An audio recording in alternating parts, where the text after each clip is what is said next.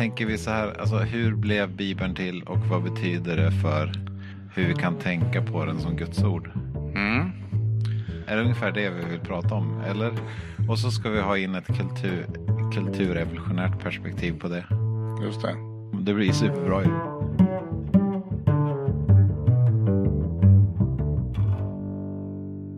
Men hej Rickard. Hej Johan. Gött att se dig. Ja, det var ett tag sedan vi sågs i det här sammanhanget i alla fall. Ja, verkligen. Vi hade ju en intensiv period där ett tag av speciell anledning. Ja, det var ju jättekul att vi fick ha så mycket föreläsare hos oss och att vi fick tillfälle att intervjua dem. Men sen har livet överväldigat oss ett tag och eh, vi har inte hunnit spela in så mycket men nu är vi tillbaks. Nu har vi sagt att vi ska ha ambitionen att komma med ett avsnitt i månaden så att eh, vi har ju byggt upp en viss eh, lager av avsnitt ändå, eller hur? Ja, men det tycker jag ändå att vi, vi får hålla ambitionsnivån ungefär där vi orkar med den. Ja. Och i samband med påsk där, då eh, var du i Sydafrika och var föreläsare på en konferens. Ja, strax efter påsk så blev jag inbjuden till New Testament Society of Southern Africa för att föreläsa lite grann om min forskning kring hur de bråkar med varandra i Johannesbreven. Hur de bråkar med varandra i Johannesbreven. Ja, det tar vi ett helt eget avsnitt om sen tror jag. Bråkar de speciellt mycket just de breven? Nej, det är, ja de bråkar ganska mycket i de breven för att eh, i andra Johannesbrevet så är den huvudsakliga uppmaningen att de inte ska ta emot falska lärare. Och i tredje Johannesbrevet så är uppmaningen till, eh, till Gaius att han ska se till att de lärare som den, den gamle skickar iväg eh, att de ska bli mottagna i hans församling. Så det verkar pågå någon slags bråk om vem tar emot vilka lärare och vilka lärare borde man inte ta emot och, och sådär. Jag ser på din blick just nu att du är väldigt noggrann när du ska liksom formulera saker och ting. Så att, eh, ja, men det här tror jag blir ett separat. eh, Ja, får, ja eller så får någon Ja. läsa min artikel när den blir klar eller något. Precis. Ja. Ja, eh, förra gången vi hade ett, eh, förra poddavsnittet så, så handlade det ju om cognitive science och religion. Ja. Som eh, vi kan man säga handlade om att evolutionärt så har ju människan utvecklats biologiskt och har så att säga blivit utrustad med en extra finurlig hjärna som, som har en speciell förmåga att registrera eh, och eh, vara kapabel att behandla religiösa upplevelser på, kan man väl säga. Ja, och eh, kapabel att eh, skapa kultur. Precis, mycket mer eh, definitivt. Den- hjärnan kan, kan, Ja. är kapabel till väldigt mycket, absolut. Ja, och Det, det är väl det, lite det spåret vi skulle fortsätta på idag. Just den här fantastiska hjärnan som vi har som, som kan både erfara saker och skapa kultur runt sina erfarenheter. Mm. Och man kan ju säga där att eh, den här eh, förmågan vi som människorna hade att eh, förstå erfarenheter man var med om och eh, så gjorde att man återberättade det för andra människor och till slut så lyckades man också skriva ner det man hade berättat. Och till slut så, så kan man väl säga att vid någon tidpunkt där så, så hade vi fått oss en bibel. Eller hur? Ja, en kanon, alltså ett rättesnöre för den kristna traditionen. Ja, och i det här avsnittet tänkte vi helt enkelt, eh, för jag då som ingenjör är, är oerhört nyfiken på hur, hur gick det där till? När, hur kom den här bibeln till kan man väl säga? Skulle vara kul att få diskutera lite grann. Ja, och så kommer vi säkert komma in på sådana här frågor. Vad betyder det för våran förståelse av kring att se på Bibeln som Guds ord? Precis. Ehm, Och ehm, som vi redan har varit inne på lite grann så tänkte vi att vi skulle ta lite perspektiv runt eh, kulturell evolution på, på hur Bibeln blev till. Just det. Men ska vi inleda med ett eh, bibelord? Det brukar vi alltid göra. Ja, du har eh, lyckats hitta ett som passar för det här temat. Ja, oh ja. Mm. Ehm, Det är ju en fördel med att vara en bibelnörd att man kan alltid komma på ett bibelord. Mm. Och den här gången kommer jag att tänka på en liten notering eh, som finns i Andra Makaberboken och det är ju en av de här böckerna som finns i de gammeltestamentliga apokryferna som vi inom protestantisk reformerta traditioner kanske har sett som lite mindre viktiga, inte lika mycket del av kanon. Men som i katolsk och ortodox tradition har eh, alltid räknats som en fullvärdig del av den kristna bibeln. Mm. Och i andra Makabeboken så noteras det här då om Nehemja som var en av dem som återkom då från den babyloniska exilen. Att han är en riktig arkivnörd. Så här står det eh, Nehemja. Att i skrifterna och anteckningarna om Nehemja gavs också en redogörelse för hur han upprättade ett arkiv där han samlade böckerna om kungarna och profeterna, Davids salmer och kungliga brev angående gåvor till templet. Och det här är ju då eh, vers 13 i kapitel 2 i mm. andra mm. Makabeboken. Just det. Och han var alltså en eh, arkivnörd, var det så vi sa? Ja, han var ju så mycket mer än så också. Han var ju en av de viktigaste ledarna runt tiden när de kom tillbaka från exilen. Han gjorde mycket saker. Vi mm. behöver inte gå in på allt det just idag, men, men den här, jag vill ha med den här lilla noteringen som ett exempel på att det här är en tradition som är från runt år 100 efter Makaberkriget. Alltså århundra före Kristus. Um, och exil sa du förut, det var alltså att man kom tillbaka från babyloniska fångenskapen? Ja, precis. Så mm. att andra Makabeboken skriver om Nehemja som då levde flera hundra år tidigare än mm, okay. andra Makabeboken skrevs. Mm. Så att det kan man ju alltid fundera på hur, hur liksom trovärdig är uppgiften. Men mm. Det intressanta tycker jag med den här äh, texten är att de tycker att det är viktigt att nämna att det finns ett arkiv med mm. texter. Mm. Och eh, det är ju väldigt intressant när vi ska prata om hur förs en tradition vidare. Vad, vad, vad betyder det talade? Och vad betyder det skrivna? Och vad betyder eh, insamlande av texter som mm. uppenbarligen kanske inte fanns på samma ställe på en, eh, alltid. När de samlas i ett arkiv och vad betyder minnet och mm. alla de här frågorna. Precis.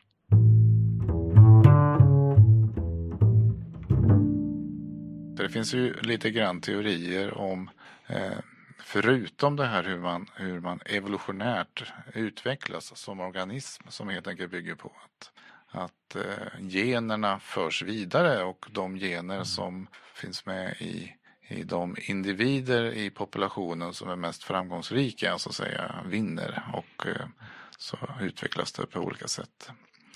Eh, det finns ju en, eh, en teori, en modell även för hur information och kunskap kommer vidare. Och gener heter gene på, på engelska och det här begreppet då istället för gene så säger man meme kan man säga. Memory ja. objekt eller en, en, en, en liten pusselbit, en liten en informationsbit som kallas för memer. Ja, och det var ju Richard Dawkins som eh, hittade på det här begreppet på 1970-talet. Men nu för tiden när man eh, googlar lite grann på internet, när man hittar ett mem, då är det ju mer som ett skämt. Alltså att de har tagit en bildtext och så har de skrivit olika en bild och så har de skrivit olika texter på ett visst tema till den här bilden och så uppstår det någon slags kultur kring hur man, hur man ska skriva nya olika roliga varianter på texter till den här bilden. Det är lite roligt att ha tagit den utvecklingen i populärkulturen. Det. det. är ett mem nu för tiden. Det är ett mem, ja precis. Men det är inte, det, det är inte den tekniska betydelsen ursprungligen utan det är en, en liten informationsbitkultur. Ja, en liten informationsbitkultur. Så om man nu ska betrakta den biologiska hjärnan då som helt tom från början så, så från tidpunkten man föds så eh, matas ju barnet med intryck och alla dessa intryck är en ström av memar som, som så att säga på något sätt bygger upp en kognitiv förståelse om vad, hur, hur läget är. En sån här spännande exempel tycker jag som ändå gör den här mem-teorin begriplig. Det är ju varför sjunger vi fortfarande bäbe vita lamm för små barn? Okej. All right, shoot. Ja, det, här, det här ju- var intressant. Jo men det, det finns ju en kulturell föreställning om att det här är liksom den, en av de sångerna som man absolut ska sjunga för varenda barn i Sverige. Mm. Och det finns ju ingenting i den sången som berör våran vardagsverklighet längre. Nej. Helgdagsrock åt far. Har du en helgdagsrock? Ja, men jag har en helgdagshatt har jag så, men inte Ja. just rock faktiskt. Nej. Nej, Det är väl två små strumpor åt lille lille bror som fortfarande kan Ja. eh, vara relevant. Jag tror inte det finns många kvinnor som har särskilda söndagskjolar längre. Nej. Eh, Ja, men okej, så att okej, och din tes här nu då är att, att det här är en helt onödig sång utifrån alla aspekter förutom Att den sprider sig väldigt bra från hjärna till hjärna. Det finns som ett, man kan säga att det är ett kulturkomplex som består av dels av sången, en Ja. ganska trallvänlig sång, ja, och dels en stark föreställning om att den här sången ska man sjunga för barn. Och det här är liksom den här, det här paketet, mm, en trallvänlig sång och föreställningen den här ska man sjunga för barn. mm, Den sprider sig från medvetande till medvetande. mm, Eh, från generation till generation. mm, Och det är väl ett ganska bra exempel på ett mem. mm, ja. Och man kan ju säga att det det är en väldigt otroligt catchy startfras på den där. För just Ja. att, att en sång börjar med bä bä måste ju vara fullständigt lysande utifrån ett, ett, att, att få en hit.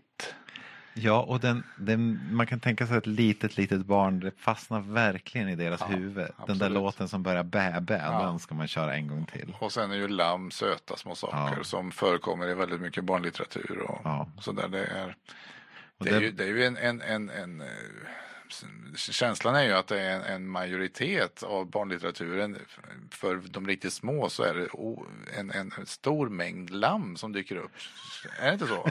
Ja, det har jag faktiskt aldrig kollat. Jo, men, Men det är säkert Ja. kryllar av lamm i barnböckerna. ja, Ehm, Det kryllar av vissa, mycket djur är det i alla fall i barnböcker. ja, Ja, men det där är väl ett exempel på också att man tänker sig kanske lätt att kultur sprider sig därför att eh, bara för att den är rationell. Till exempel eh, yxan spred sig väl i mänsklig kultur därför att den hade man väldigt, väldigt mycket nytta av. mm, Eh, så att det var ju ett viktigt skäl att Mm. folk gillade att göra nya yxor. mm, Eh, det är en annan kultur med skulle man kunna säga. precis. Var ju att ja men, oh, den här kan man göra allt möjligt med.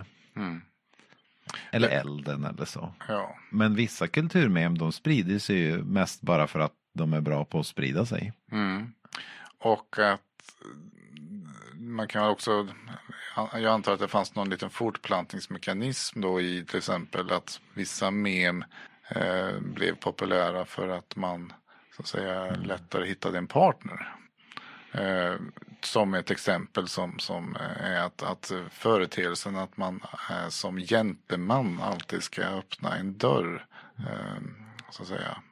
För artigt eh, släppa in kvinnan i bilen eller sådana saker. Ja. En sån företeelse kan ju då sprida sig också väldigt snabbt för att eh, alla ser att ja, men det där verkar vara en väldigt smart grej att göra. Som, Mm. som så att säga gör att jag har större chanser att, att lyckas. Och på något sätt finns det väl en bakomliggande idé om att ja, men, memer som, som gör att jag blir mer lyckad eh, får också en bättre fortplantning. Eller de memerna Ja. överlever på något sätt. Men också så får man komma ihåg att en del av den här mem-teorin är ju att memer sprider sig helt enkelt bara för att de är bra på att sprida sig. Mm. Och ibland så sprider det sig för att de hjälper deras bärare att bli lyckade. Mm. Och ibland så sprider de sig bara för att eh, de, de är, är hookiga. Mm. De fastnar i våran hjärna. Just Ett oerhört destruktivt kulturmönster är till exempel bruk av droger. Mm. Det är ju jättedåligt för alla Mm. brukare. Men, Mm. men det sprider sig ju jättebra. Därför att det är väldigt beroendeframkallande. Mm. Och eh, väldigt lätt att övertyga i alla fall vissa nya människor om att prova någon gång och sådär. Och sen Mm. sprider det sig. Så att eh, man får ändå hålla den möjligheten öppen att vissa bitar kultur sprider sig bara för att de är bra på att sprida sig. Mm. Och summa summarum av, av eh, alla dessa memer är ju, kan man ju säga är ju en slags kultur. Och den här kulturen har ju utvecklats genom årtusendena naturligtvis så är ju idag så komplex som den är. Den är ju väldigt stor och omfattande. Och där har vi en av de viktigaste kritikerna av mem-teorin. Därför mm. att de här exemplen som jag tog nu, en yxa eller tog, bävervita lamm. Mm. Det är ju ganska väl avgränsbara bitar kultur. Mm. Men de största delarna av våran kultur, till exempel våran förståelse av hur samhället fungerar, mm. till exempel. Mm. Det går ju inte att hitta någon väl avgränsbar del Nej. av den förståelsen. Nej. Så där är det en jättetydlig skillnad mot gener att kultur är inte tydliga bitar som man kan klippa ut och, och, och säga att här börjar och slutar det. Nej. Utan hur vi minns saker beror hela tiden på hur vi minns andra saker. Mm. Så att man får ju komma ihåg att ganska så mycket av det som är våran kultur är så pass komplicerat så att vi kan inte tänka sig oss att den kultur som jag kan, den kopierar jag över till mina barn till exempel. Mm. Utan de kommer ju förstå någonting som är lite annorlunda än det jag förstår. Mm. De kommer ju bygga upp sin egen förståelse av den kulturen som vi lever i som mm. typ påminner kanske om min. Om jag har lyckats med mitt uppfostringsjobb men den kommer inte vara samma. Nej. Å andra sidan kan man säga att, att ja. om allting som är väldigt stort och komplext eh, i någon mening kan, kan, ju, eh, kan man ju reducera ner till, till de minsta beståndsdelarna i alla fall och det kanske även gäller mm. den här typen av mer komplex kunskap skulle man kunna mm. tänka sig. Fast det är svårt att göra det i praktiken tror jag. Ja, ja jo, jo, det är det ju. Men eh, ett sätt är väl som Google som ska liksom tugga i sig allting och göra ettor och nollor av det. Då, ja, tänk om de knäcker med M-koden. Ja, precis. ja, men, så, nej, men det finns en forskare som heter Dan Sperber. Han, det var en av de saker han kritiserade. Eh, Richard Dawkins mem-teori för just mm. det här att det var svårt att, att avgränsa vars kulturbitar börjar och slutar. Mm. Eh, och, och, en annan sak som han kritiserade eh, honom för det var ju att det är ofta in, oftast så att eh, vår representation av en kultur i våra respektive hjärnor, i våra respektive medvetanden är, har alltid muterat lite grann i jämförelse. Så han menar att liksom mutationshastigheten på, på kultur är mycket, mycket högre än mutationshastigheten ja, på gener. Oh ja. Alltså man missförstår information mm. och det grövsta naturligtvis ja. med en väldigt stor hastighet. Ja, precis. Mm. Och den tredje viktiga saken som jag tror vi ska ha glädje av idag det är just det här att Sperber han lyfter ju fram att mellan varje medvetandes representation av kulturen så måste vi ha något, yttre som kommunicerar det här mellan oss. Mm. Till exempel nu pratar vi med ljud till varandra och det är en yttre representation. Ja. Och det är ett hårt arbete för dig att tolka vad jag säger och för mig att tolka vad du säger, mm. även om det sker på en förmedveten nivå. Mm. Eh, som sker via detta kompakta mm. kommunikationsmedium som vi kallar språk. Mm, just det. Mm. Och det är kompakt i jämförelse med vad vi egentligen tänker. Ja. Mm. Det är helt otroligt att med några få ord ändå kan kommunicera så oerhört mycket information till mm. varandra. Precis. Men då måste ju du packa upp det jag säger. Ja, och i just ditt fall är det ju en utmaning. Precis. Ja. Så det kan, du, kan ju, du brukar ju gå härifrån och ha missförstått det mesta jag ja, sagt, eller hur? Ja, ja precis. Och tvärtom. Det tar ett bra tag att hämta sig varje gång. Precis. Ja. Ehm, så detta om hur eh, så att säga, vårt kognitiva medvetande om vilka vi är och vår kultur så att säga, byggs upp kan man ja. säga. Och kommuniceras till mm. andra och så. Ja, precis.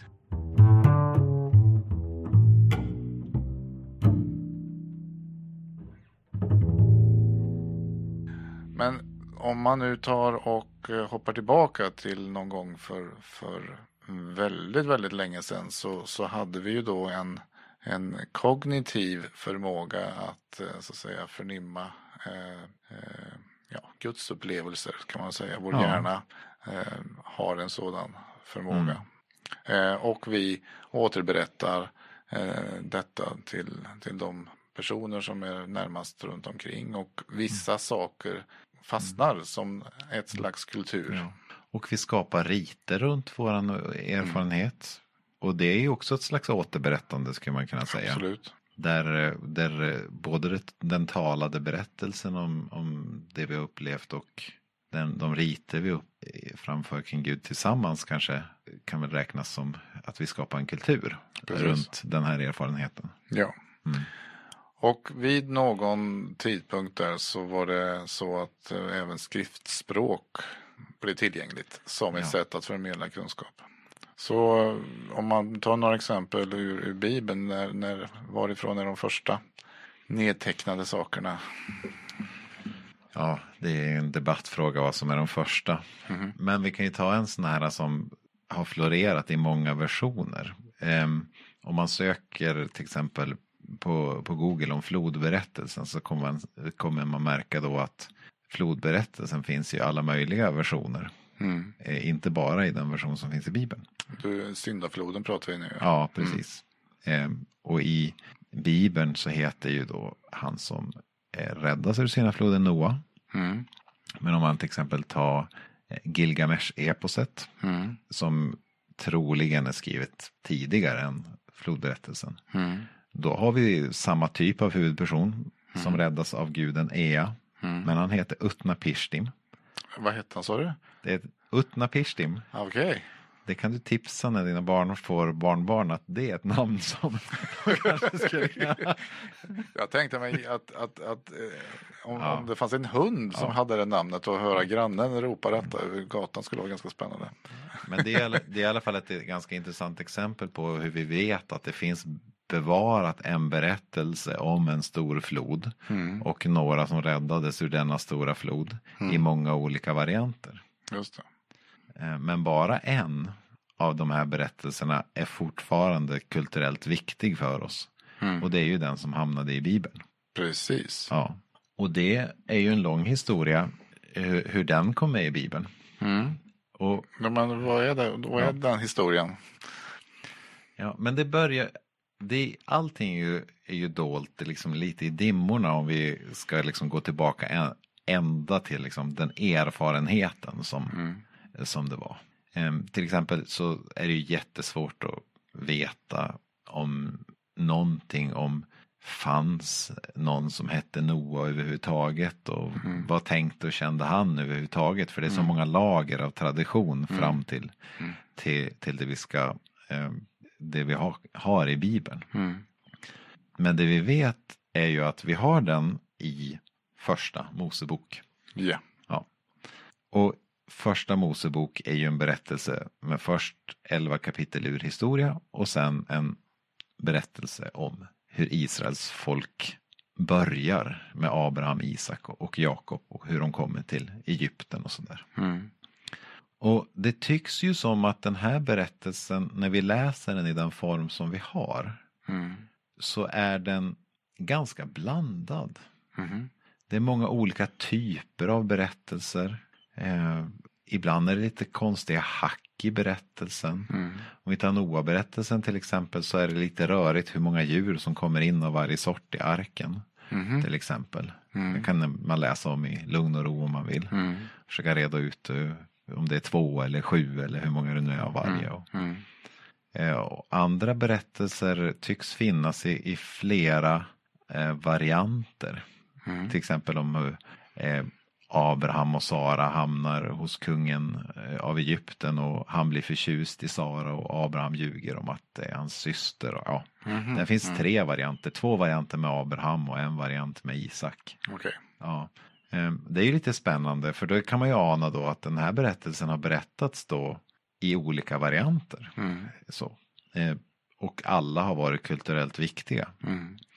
Och sen har ju då olika traditioner sakta men säkert eh, satts ihop mm. och bildat mm. Första Mosebok. Och Första Mosebok i sin tur har allra troligast skrivits av samma slut, satts ihop slutligen av samma redaktion som satte ihop alla fem Moseböckerna. Och räknar vi in alla fem Moseböckerna då har vi ju ännu mer olika litterära genrer. Då har vi ju lagtexter och släktlister och ja, allt möjligt sådär. Så den slutliga redaktionen, det var en, en, en gruppering som Ja, levde när då?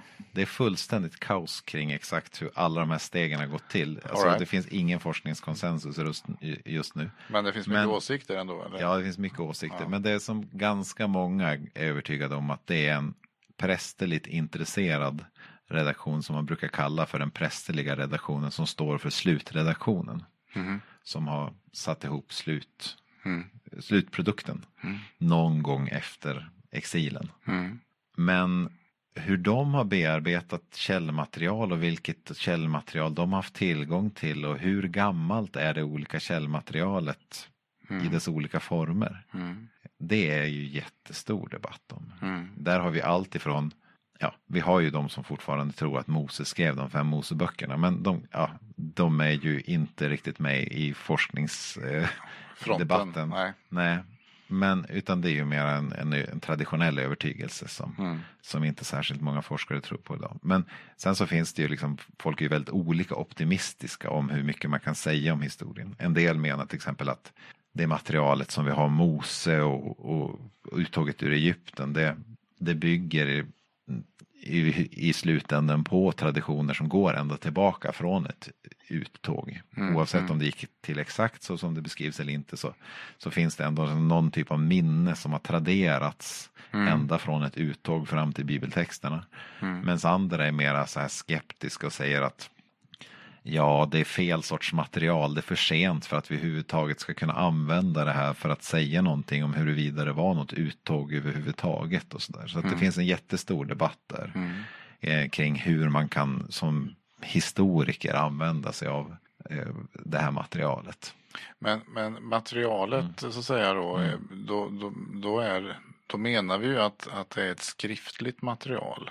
Precis, men som väl borde ha föregåtts av åtminstone viss utsträckning av muntliga traditioner.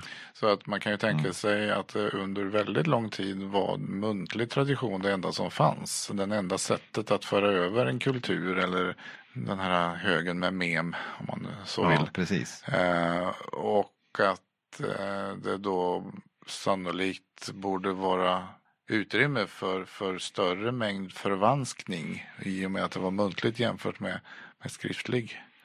Ja, så är det. Ja.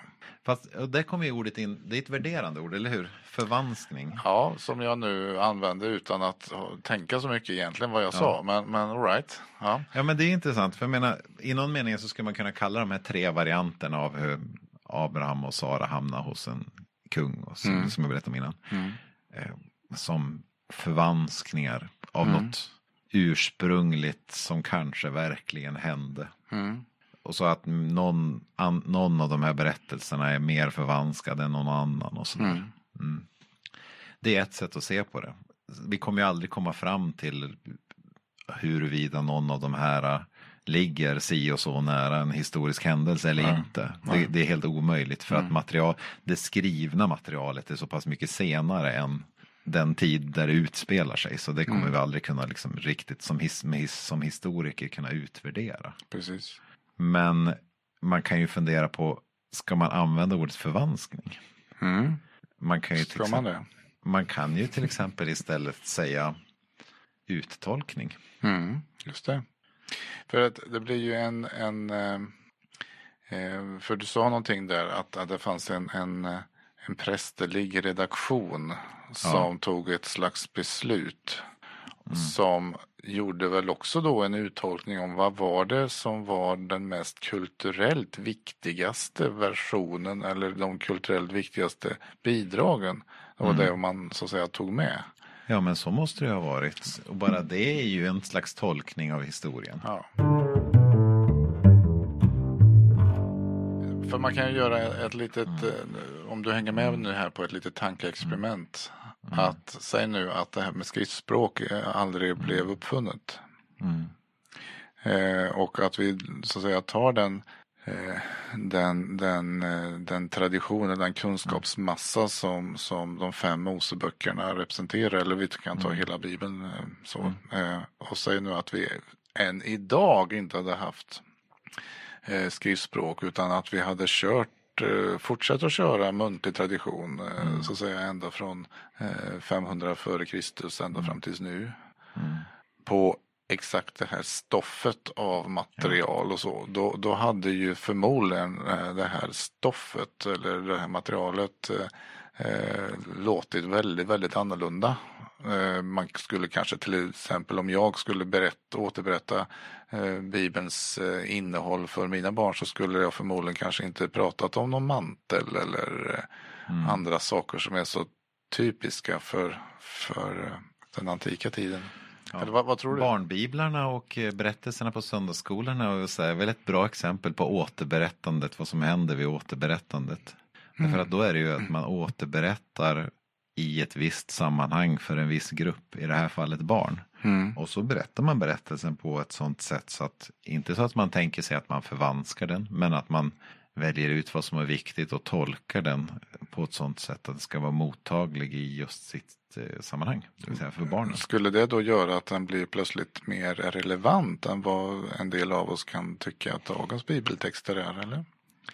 Ja, en del skulle kanske, ibland kanske man skulle vara lite mer modig på att ta med det som vi tycker inte är så barnvänligt i Bibeln, mm. i barnbiblarna. Mm. Men, men det tror jag nog. Alltså det blir en slags, det man kallar för en relevanstolkning. Alltså man tolkar de här berättelserna om Mose och sådär så att de eh, ska kunna bidra till barns erfarenhet av Gud. Mm. Helt enkelt. Så det blir ju mer relevant. Mm.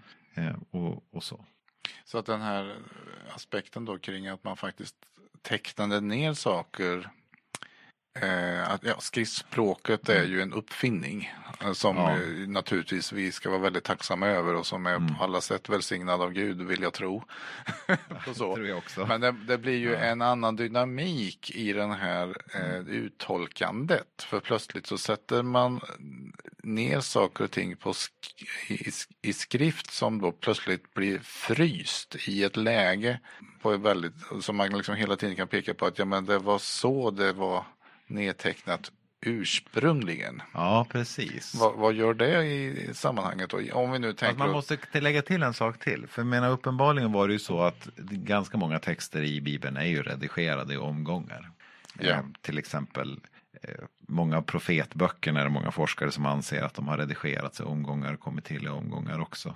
Och nu pratar vi i omgångar, då pratar vi någon gång där i 500 år före Kristus eller vad, vad? Ja, alltså om vi ska ta två exempel. Det ena är ju Jeremia eh, mm. eh, som, eh, som var aktiv runt krisen när babylonierna kom då. Mm.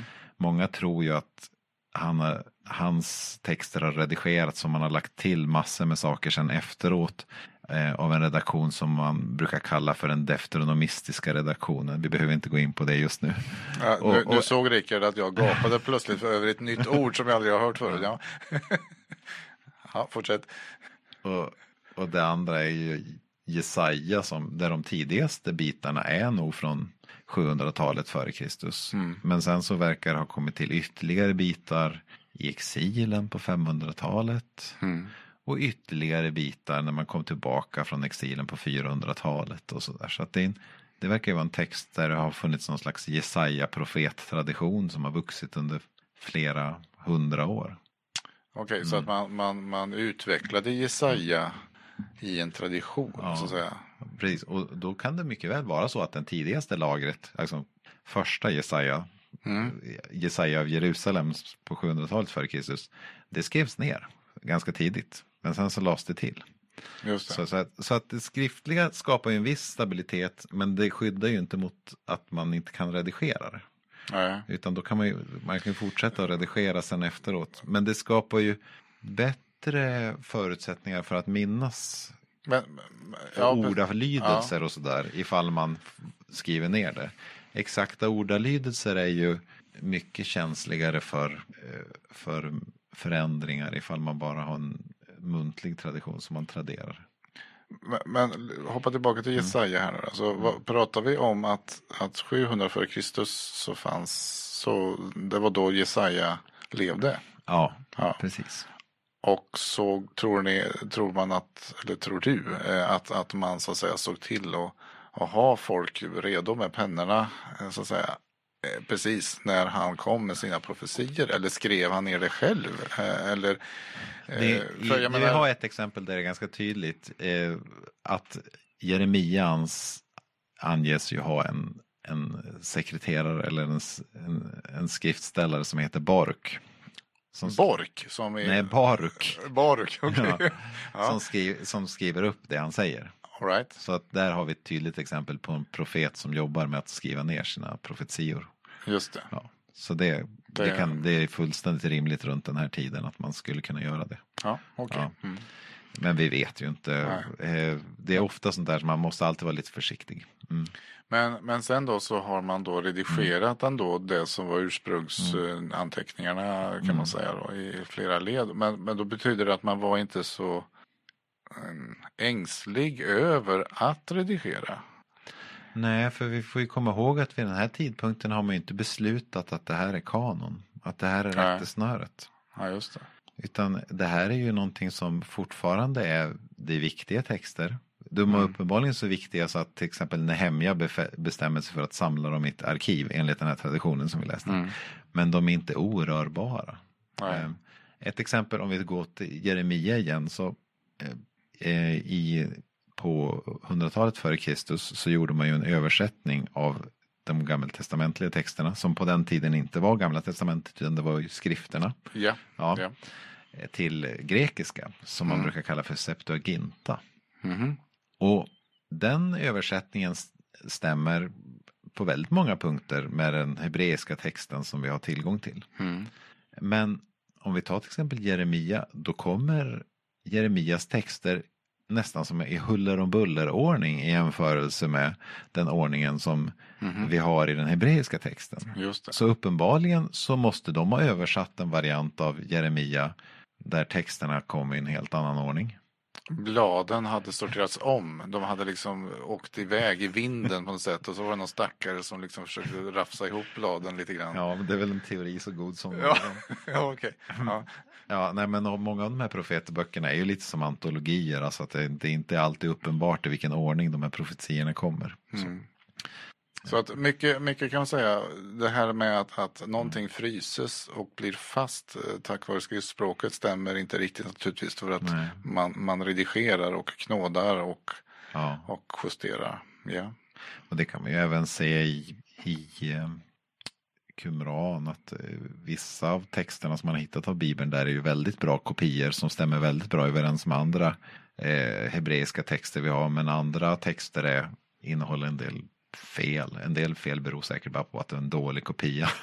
Men en del saker som inte stämmer kan bero på att de faktiskt har skrivit av en tradition som, eh, som inte är samma. Och mm. det får man ju komma ihåg att det är ju inte copy-paste som vi pratar om med en dator utan det är någon som sitter och skriver av för hand. Mm. Och det påverkar ju också hur stabilt någonting blir bara för att det är skrivet. Alltså, mm. det, nu kan man ju se på ganska många manuskript att det utvecklades ju ganska tidigt ändå eh, både i kristen och judisk tradition mm. efter kanonbeslutet ska man säga. Mm. Eh, en tradition av att kopiera de här texterna väldigt noggrant. Mm. Eh, för det, när texterna får den här statusen av kanon mm.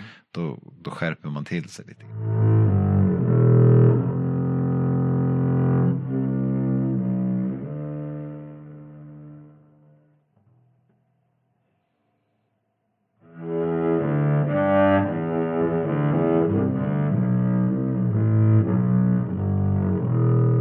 Bibeln är, nu, är ju som sagt det är inte en story utan det är bibliotek av olika mm. böcker och därför så är det ju delar som har blivit kanon vid olika tidpunkter antar jag. Nej, man kan ju säga att föreställningen om att de är viktiga mm. är, växer ju fram sakta men säkert. Men eh, beslutet om kanon har tagits vid ett tillfälle. Alltså att man officiellt säger det, nu är det de här bok, böckerna som är kanon. Mm. Men vi kan ju se till exempel om vi går till nytestamentlig tid. Mm. Där är det ju ganska tydligt att både Moseböckerna och profetböckerna och ja, för många också även de övriga böckerna i Gamla Testamentet är väldigt, väldigt viktiga. Alltså mm. de citeras som skrift, mm. som auktoritativa skrifter. Medan Jesus gör det ganska ofta i sina debatter med med fariseerna och mm. vi kan se det hos jättemånga andra judiska skribenter runt den här tiden att mm. De har verkligen fått den här rättesnörestatusen som redan runt den här tiden men inget inget exakt beslut har ju tagits om exakt vilken version av texterna och, och så. Så, Men- vi, så till exempel vissa judar runt den här tiden, de verkar utgå från den grekiska översättningen. Alltså det är den de diskuterar. Mhm. Och, och där finns det ju med då fler texter än vad som finns på hebreiska. Så, så okej, alltså, Mm. så judarna hade inte kanoniserat eller tagit beslut över vad som skulle vara den korrekta Toran, så att säga?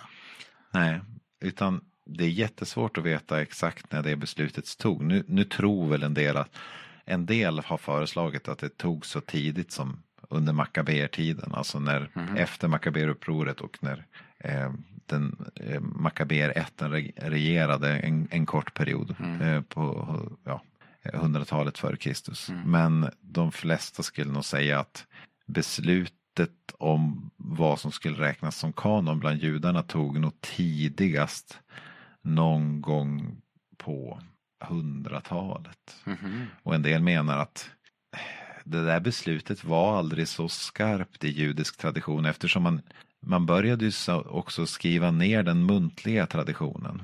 Det, det som med tiden blir Talmud. Och det är ju ytterligare ett lager av tolkning som man skriver ner. Och, så. och Talmud är ju idag i judisk tradition också he- helig i någon bemärkelse och kanonisk i bemärkelsen att den fungerar som ett rättesnöre för, Mm. för den judiska tron. De säger ju såklart att gamla testamentet eller eh, lagen, skri, skri, lagen, profeterna eh, och skrifterna, Mm. eh, den hebreiska bibeln, det är ju det som är kärnan. Mm. Men sen så Och då är pratar vi, alltså de fem Moseböckerna är, ja, det är kärnan av kärnan. det är kärnan, ja, okej, Ja, mm. För det är ju där Gud Ja, för- berättar för sitt folk hur man ska vara i Guds förbund. För skulle inte liksom judiska pojkar lära sig Moseböckerna utan till Som en skol... Alltså, Nej, det är omöjligt. Det är alldeles för mycket text. Okej. Nej. Men de ska lära sig, vad tänker du på? Tänker du att de ska lära sig att recitera ur? Ja, att det var en, en del i eh, judisk eh, skolgång. Att Mm. judiska eh, pojkar eh, skulle så att säga öva sig i att läsa saker utan till i väldigt Ja, ja. grad. Jo, jo, och de- att man på det sättet sen väl rensade agnarna från vete på något sätt. Och till slut så var det några få som till slut då kunde få bli tillräckligt duktiga att bli kandidater för att bli rabbiner. Eller ja, ja. Ja, Typ det fann, jo, det, det, du menar så ja. ja jo, det fanns ju en tradition av att lära sig både lagarna i Gamla Testamentet eh, ut, utan till i så ut, hög utsträckning som man kunde. För de, minnet i utan inlärning var ju såklart jätte, jättemycket bättre på den tiden. Mm. Ehm, och, eh, men också att man skulle lära sig sina läromästares uttolkningar mer eller mindre utan till. ja, just det. Och det är därför som till exempel Talmud tycks kunna ha bevarat så pass bra de här muntliga traditionerna runt vad olika rabbiner tyckte. Mm. Därför att det tycks ha funnits en stark tradition att tradera vidare eh, de här uttolkningarna också. Men Mm. vad du säger är att det fanns, det var inte så fastlåst kring vad som idag betraktas Mm. som gamla testamentliga texterna då vid Jesu tid. Som man annars kan tro. Nej, det fanns en viss konsensus, men Ja. det var inte fastlåst. Till exempel så, vi har ju en grupp bland judarna som Jesus debatterar med som heter Saddukeerna. Mm. De accepterar ju bara de fem Moseböckerna. Jaha, okej. Och därför, eftersom det inte står någonting om uppståndelse från de döda, så tror de inte på de uppståndelsen från de döda. Så Jesus har ju en debatt med Saddukeerna i Nya Testamentet. Och det handlar just om frågan om uppstår de döda? Mm. Mm. Okej. Ja.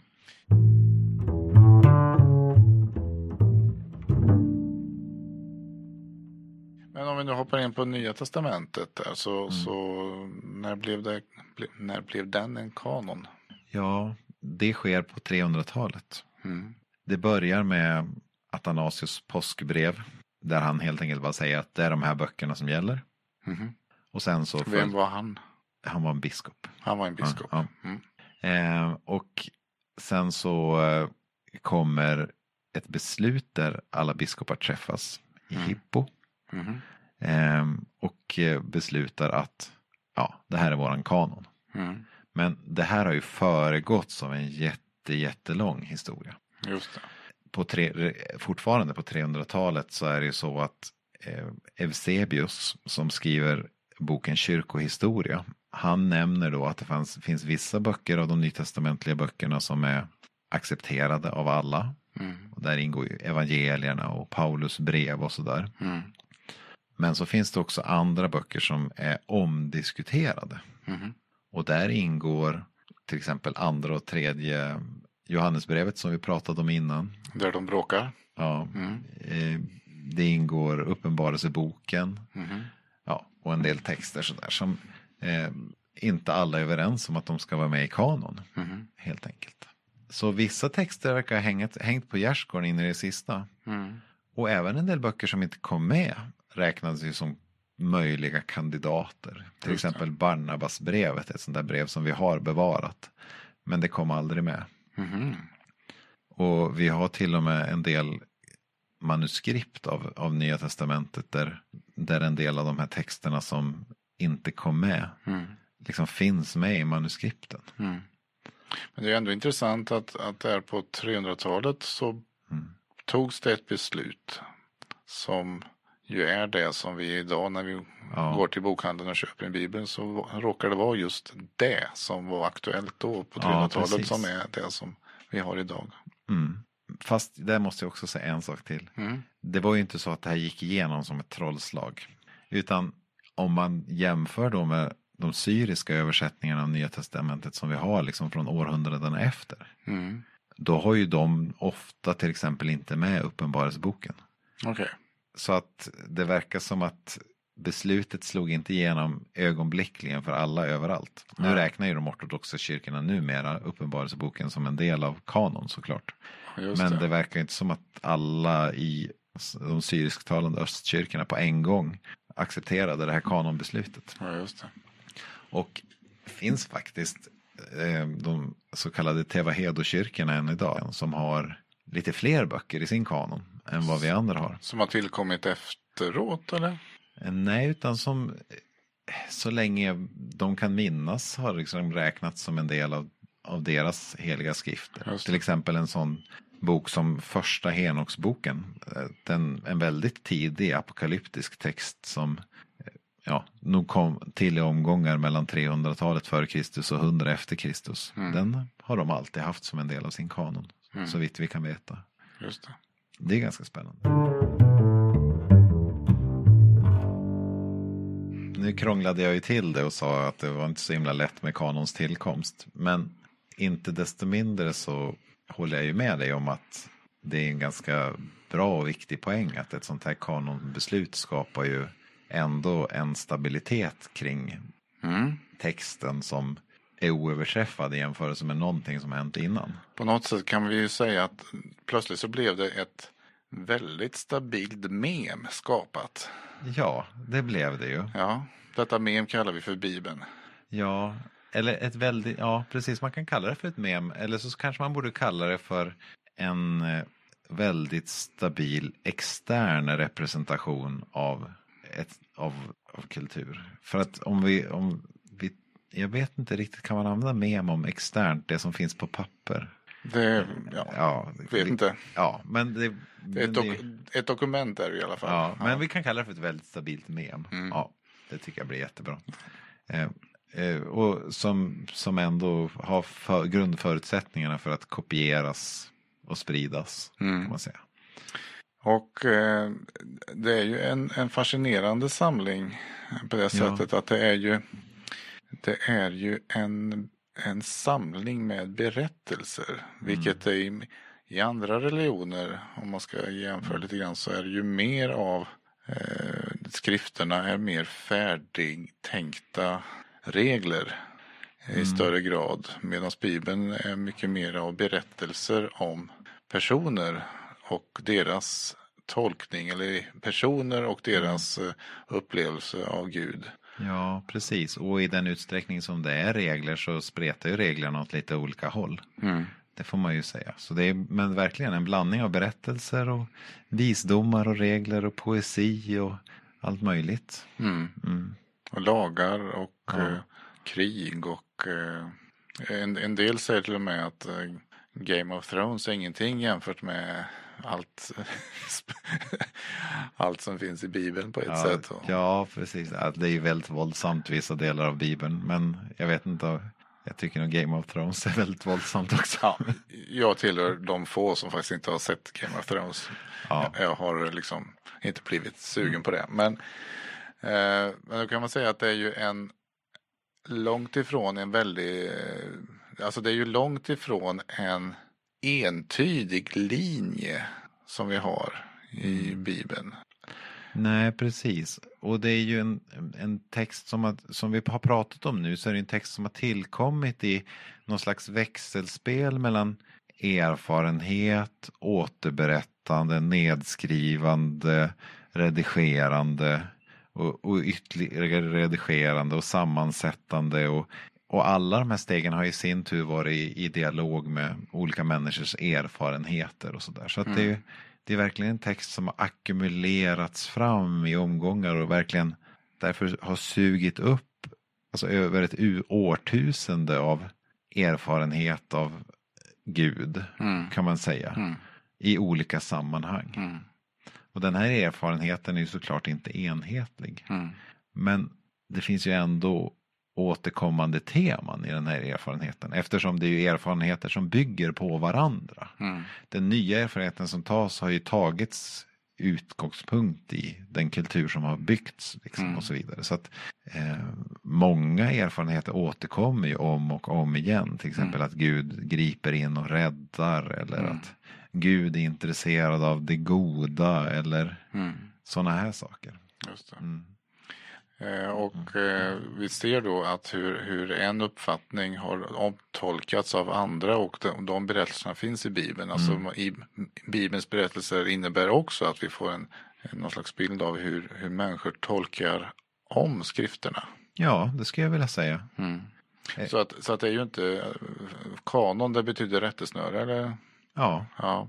Alltså med, med om, om man är, jag vet inte det korrekta tolkningen av ordet rättesnöre är. Men, men om man tänker sig att det ska vara någonting som är definierar någonting väldigt, väldigt entydigt. Ungefär som en, mm.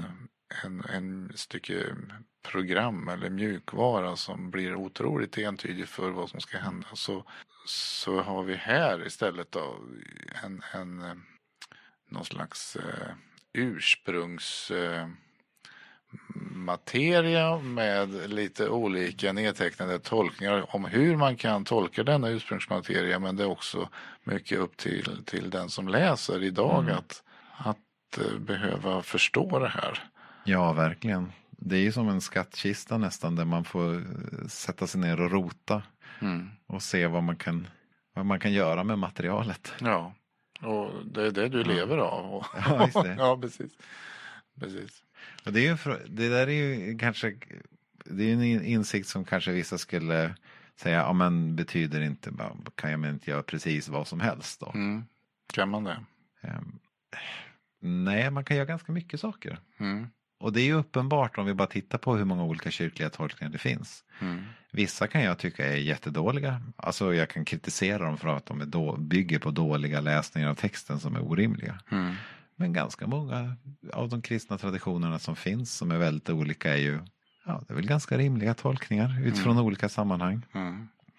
Men, men det skulle vara svårt att till exempel att tänka sig en, en, en tolkning av denna kanon som innebär att vi struntar i det här med Gud eller mm. Jesus kanske inte är så himla viktig för den kristna mm. traditionen. Och så mm. Det finns ju ändå vissa saker som är så pass starkt återkommande och så tydliga teman i denna textmassa så att man kan nog ändå säga att det går inte att göra precis vad som helst om Nej. man vill påstå sig vara en form av tro som, som baserar sig på de här texterna. Mm. Mm. Ja, men alltså, och, mm. och, man kan ju tänka att, att ordet mm. på något sätt, när man säger så här, ordet ska vara levande för en. Mm. Vad betyder det? Ja men det är väl härligt. Ja, jo precis. Ja. ja. ja, men det, ja. Säg, säg själv vad du tänker. Ja men alltså om man nu, ja, men alltså, ursp ursprungsbetydelsen på något sätt är att man ska ju leva så att säga utifrån mm. Eh, att vara en kristen och, mm. och, så. Men, men om man nu verkligen ska tänka på att, att den här materian av, av ord vi har i Bibeln som har tillkommit på det sätt den har Mm. gjort och den har tolkats och den har kanoniserats. Att, att, att på, på ett sätt så finns det ju extra mycket liv Mm.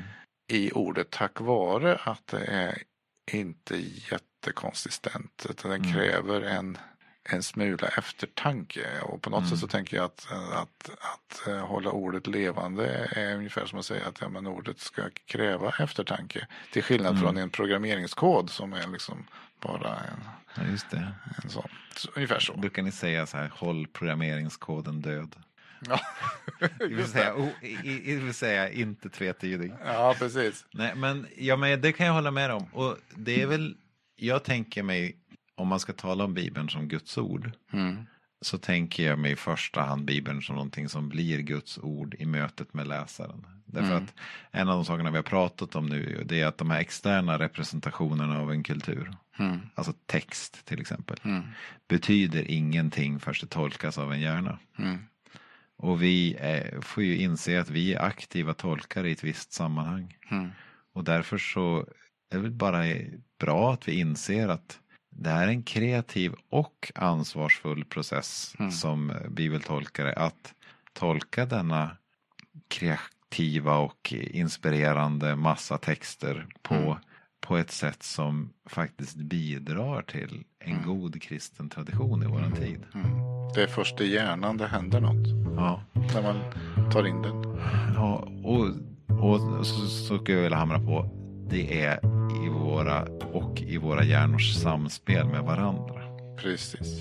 För det är ju också så att vi sitter ju inte var för sig på en kammare utan vi tillhör en kristen gemenskap som tillsammans bråkar med varandra om hur man ska uttolka de här texterna. Mm. Och ibland kanske vi är rörande överens och sådär. Men det här är just att vi hela tiden brottas med varandra kring Mm. kring texttolkningen är väldigt viktigt för att det ska kunna utgöra en kultur, en tradition. Mm.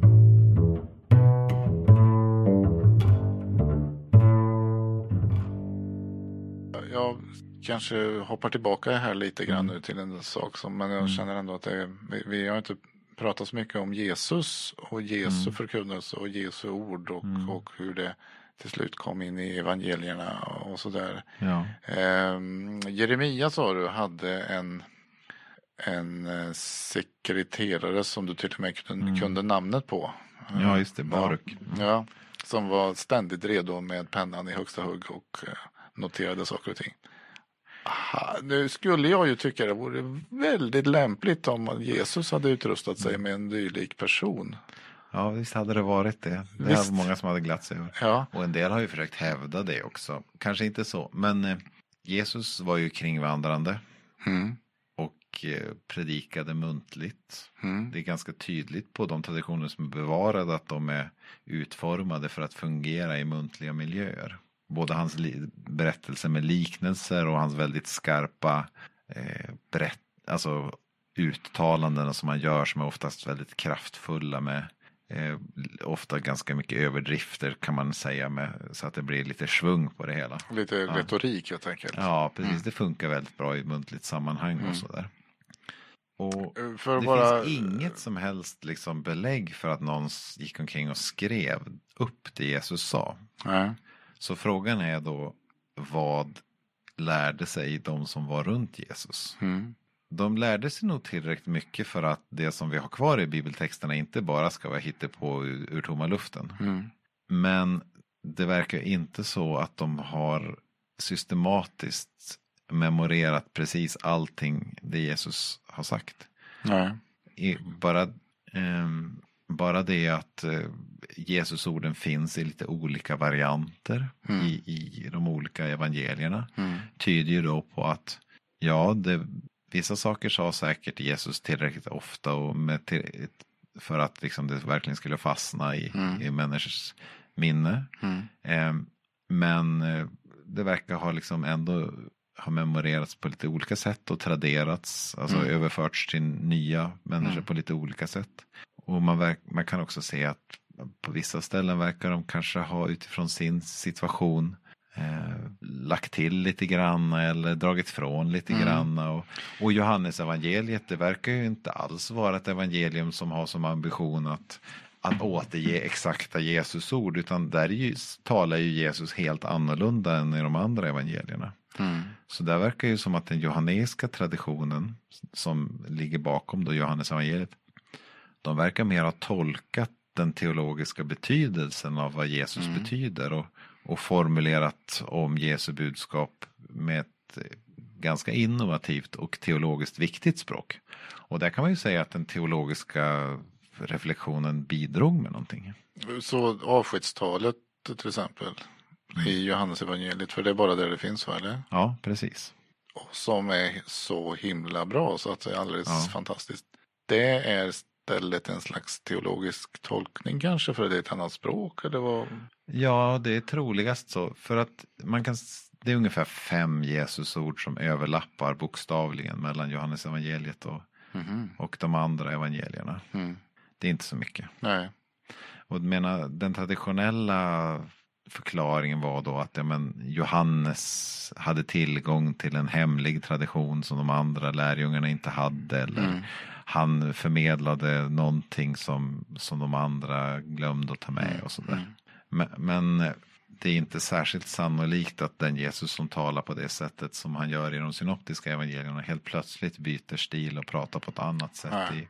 i. Johannes evangeliet utan troligen så är det så att den johannesiska gemenskapen tänker sig att de har fått ta emot den heliga ande. Det är ju ett, ett av temana i avskedstalet. Mm. Att de ska få den heliga ande som lär dem allt. Precis. Och eftersom de har fått ta emot den heliga ande som lär dem allt Mm. så är de bemyndigade att uttolka betydelsen av vem Jesus är. Mm. Så därför blir ju Johannes evangeliet ett andligt evangelium. Det Mm. var en som hette Ignatius av Alexandria runt år 200 som, som kallade Johannes evangeliet för ett andligt Mm. evangelium. Mm. Eh, Det sägs att han har sagt att eftersom de andra evangelisterna redan hade skrivit om de jordiska omständigheterna för Jesu liv så bestämde sig Johannes för att skriva ett andligt evangelium. Just det. Ja. Mm. Ehm, och förstår man bara vad det är för genre av, av text som Johannes evangeliet är så kanske det inte behöver vara så stressande. Nej. Men, men det är ju ändå verkligen ett, det man kallar för ett historiebruk. Mm. Man berättar historien om Jesus på ett sätt som ska vara meningsfullt och relevant i ett, i ett nytt sammanhang. Mm, precis. Och man skulle, jag kan ju då tänka så här att det är ju faktiskt en poäng med att det kanske till och med är Guds avsikt att Jesus inte hade en sekreterare. Ja, just det. Vad tänk, tänk där. Det, det kan vara låta Ja, en alltså, det- potentiellt bra tanke. Ja, alltså, här, eh, alltså tack vare att vi inte hade en sekreterare under Jesus så Mm. har vi faktiskt fyra evangelier. ja, just det. Och vi har alltså en, en, eh, vi har en, en, en eh, ande som har gett kunskap då Mm. kanske då till, till Johannes och, och fått Förhoppningsvis till de andra också. Förhoppningsvis till andra också. Ja. Ja. Och fått in lite nya perspektiv. Eh, Jag menar, det är ju inte så att vi har fyra versioner av Jeremia där som i någon slags Mm. tradition och så kom man fram till att ja, men vi plockar med alla fyra för att det är nog lika bra. Eh, Utan där har vi ett. Så, Mm. eh, och på något sätt så skulle det vara ganska så Ja. Eh, tänk, ja, tänk om vi bara hade haft ett enda evangelium där vi liksom, där man hade en sekreterare som hade bara noterat eh, Jesu. Ja, det skulle vara intressant för er bibelforskare förstås. ja, men där är ju sådär. Jo, men, ja, men jag håller med dig. Det blir sådär. Det, den, den poäng du driver mot är ju att alla de här evangelierna är ju skrivna i ljuset av uppståndelsen. De, de som har skrivit de här evangelierna, de är ju övertygade om att Jesus har uppstått och att de har erfarit det här. Ja. Ehm, och att det har gått några år sedan då, sedan den här händelsen och att det känns viktigt att skriva ner. Mm. Och under de här åren från uppståndelseupplevelsen fram Mm. till att evangelierna skrivs ner så har det ju pågått en teologisk reflektion över vem, vem Jesus var Mm. i ljuset av uppståndelsen. Mm. Så där är ju din poäng att det kom ju med ett teologiskt mervärde Mm. i de här texterna. I Mm. att de, att de skriver om Jesus på fyra olika sätt utifrån fyra olika situationer. Mm. då, precis som du säger, ibland på bekostnad av att vi som är intresserade av att rekonstruera den exakta historiska Jesus har ett ganska svårt jobb. Mm. Helt enkelt. För vad mm. som, vad som blev det viktiga bidraget i kulturen blev väldigt tydligt då först, antar jag, först efter uppståndelsen. Det var då mm. man liksom begrep vad det var man hade varit med om. Ja, men så skulle man kunna säga. Medan då Jeremia, en väldigt förmäten snubbe, redan från början anställer en sekreterare. Som, så att han verkligen säkerställer att han, han alltså det är ju ja. en, annan approach. Då är man redan, då har man redan fått rollen att vara någon slags eh, profet. Ja, att vara Guds sändebud, ja precis. Ja. ja, vad ska vi säga om det? Ja. Ja, men det, det är mm. två approacher som är ja. ganska intressanta. Ja, men som, ja, som är väldigt olika, mm. verkligen. Mm. Och faktiskt de tidigaste reflektionerna som vi har över betydelsen av Jesus är ju inte evangelierna, utan det är Paulus brev. För de skrevs ju tidigare än evangelierna. Och nu är Paulus inte så fokuserad på Jesu liv, utan han fokuserar mest på betydelsen av Jesu död och uppståndelse. Mm. Eh, och redan där kan vi ju märka då att det här är en inblick i en kyrka som börjar reflektera väldigt mycket över vad betyder Jesu död och uppståndelse. Men Paulus kunskap om Jesus mm. var också given till honom via någon tradition. Det är lite höljt i dunkel hur okay. mycket Paulus vet. Mm. Uppenbarligen vet han en del saker, för vid ett par tillfällen så citerar han ju Jesus tradition. Han citerar till exempel Jesus ord om att man inte får skilja sig och han berättar ju instiftelseberättelsen mm. och lite sådär. Och det mm. finns också ett antal andra tillfällen där det tycks som att Paulus diskuterar medveten om Jesus traditioner. Mm. Men vi vet inte hur mycket Paulus vet. Nej. Och vi vet inte exakt hur han fick den här kunskapen heller. Nej. Ibland, framförallt i Galaterbrevet, så låter han som att han har fått kunskapen direkt från Jesus själv. Mm. Men på en del andra ställen så låter det som att han traderar vidare traditioner som han själv har fått ta emot. Just det. Och ja, det kanske var någon blandning. Men det är ju, vi vet inte så mycket om vad Paulus visste och inte visste. Nej. Hans brev är ju, de är inte skrivna för att återberätta Jesu liv. De är skrivna för att lösa olika typer av situationer i församlingar. Och, ja. och, och hans teologiska huvudmål är att berätta om betydelsen av Jesu död och uppståndelse. Mm. Men han var väl, hade väl en slags predikants roll där han med mm. sina brev skulle liksom ge råd till sin församling. Ja. Så han betraktar sig inte själv som en slags profet, än mindre någon vars brev skulle komma in i någon kanon. Eller? Nej, han betraktar sig som apostel. Det gör okay. Ja. Men, men han var nog inte riktigt beredd på att hans brev skulle komma med i kanon till att börja med. Mm. Romarbrevet tror jag nog han skrev med tanke på att han ville att det skulle sprida sig.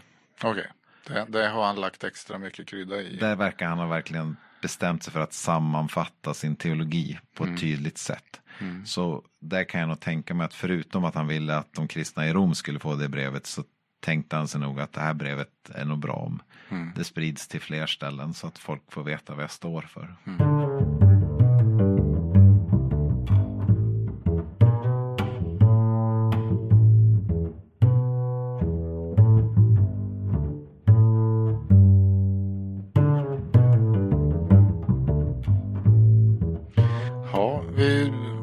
Sammanfatta lite grann. Ja. Det här avsnittet som handlade om hur, hur en bibel kan, kan bli till. ja, precis. Ja. ja, hur ska vi sammanfatta det? Ja, men utifrån det du berättar så är det ju en fantastiskt dynamisk eh, historia där, där olika delar i Bibeln har kommit till på väldigt många olika sätt. Eh, och på många sätt så börjar mm. det med en muntlig tradition. Mm. och sen så kommer det ner i någon slags skrift och det kommer att bearbetas och eh, till och med mm. på de nya testamentliga delarna så, så är det ju Ja, Paulus brev är äldst och vi vet inte riktigt hur hans eh, kunskaper riktigt kom fram. Evangelierna efteråt beskriver mm. Jesus som då inte jag hade någon sekreterare, vilket vi kanske på ett sätt tycker att det kanske är klokt. ja, men det finns mycket. Ja. Eh, så att det är ju, det är ju en bi, Bibelns, alltså de olika delarna i Bibelns, eh, som vi har i Bibeln, spänner ju upp ett slags, mm. förmodligen alla varianter på hur en kulturell förståelse kan bli till. Ja, det kan man väl säga. Och, och det är så intressant spänning mellan å ena sidan mycket kontinuitet, teman som återkommer, mm. som tillsammans bildar någon slags gudsbild. Men också den här spänningen mellan olika texter. Men ibland är Gud väldigt nationalistisk kan mm. det tyckas. Och ibland så är Gud verkligen fokuserad på att han älskar hela världen. Mm. Och, och, och, och, det finns både de här sakerna som är spänn, spänningar och saker som är väldigt tydlig kontinuitet genom alla texter och sådär. Och de här texterna har ju blivit till i dialog med varandra. Mm. I ständigt fortgående samtal. Mm. Och det samtalet fortsätter ju genom kyrkans historia ända fram till oss. Mm. Så nu är det våran tur att delta i det här samtalet. Precis. Med poddar till exempel. Ja. ja.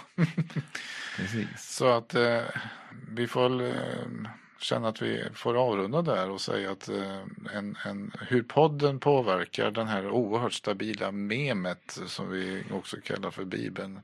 Ja. Det är ju ett litet bidrag här kan man säga. Mm. Ja, det tycker jag är ett litet bidrag. Ja.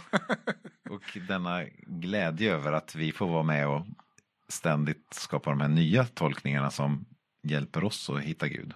Ja, precis. Mm. Stort tack för allt nytt jag har lärt mig ikväll, ja. Rickard. Perfekt. Ja. Mm. Tack Johan. Tack.